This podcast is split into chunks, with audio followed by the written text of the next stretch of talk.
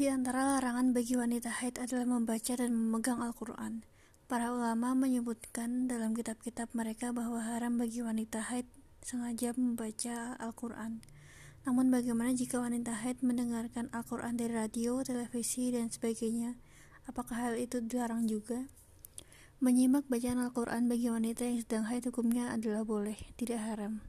Wanita yang sedang haid tidak masalah mendengarkan bacaan Al-Quran, baik mendengar secara langsung dari orang lain yang sedang membaca Al-Quran atau mendengarkan melalui radio, televisi, HP, dan lainnya.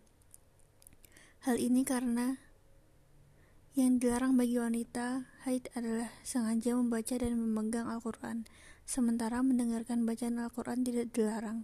Keharaman sengaja membaca Al-Quran sudah tegas dijelaskan oleh Nabi Shallallahu Alaihi Wasallam melalui hadis riwayat Imam Al-Duruqutni dari Ibnu Umar berikut ini. La taqra'ul haidu walal junubu syai'a syai'alla minal qurra minal Quran. Tidak boleh wanita haid dan orang yang dalam keadaan junub membaca ayat Al-Quran.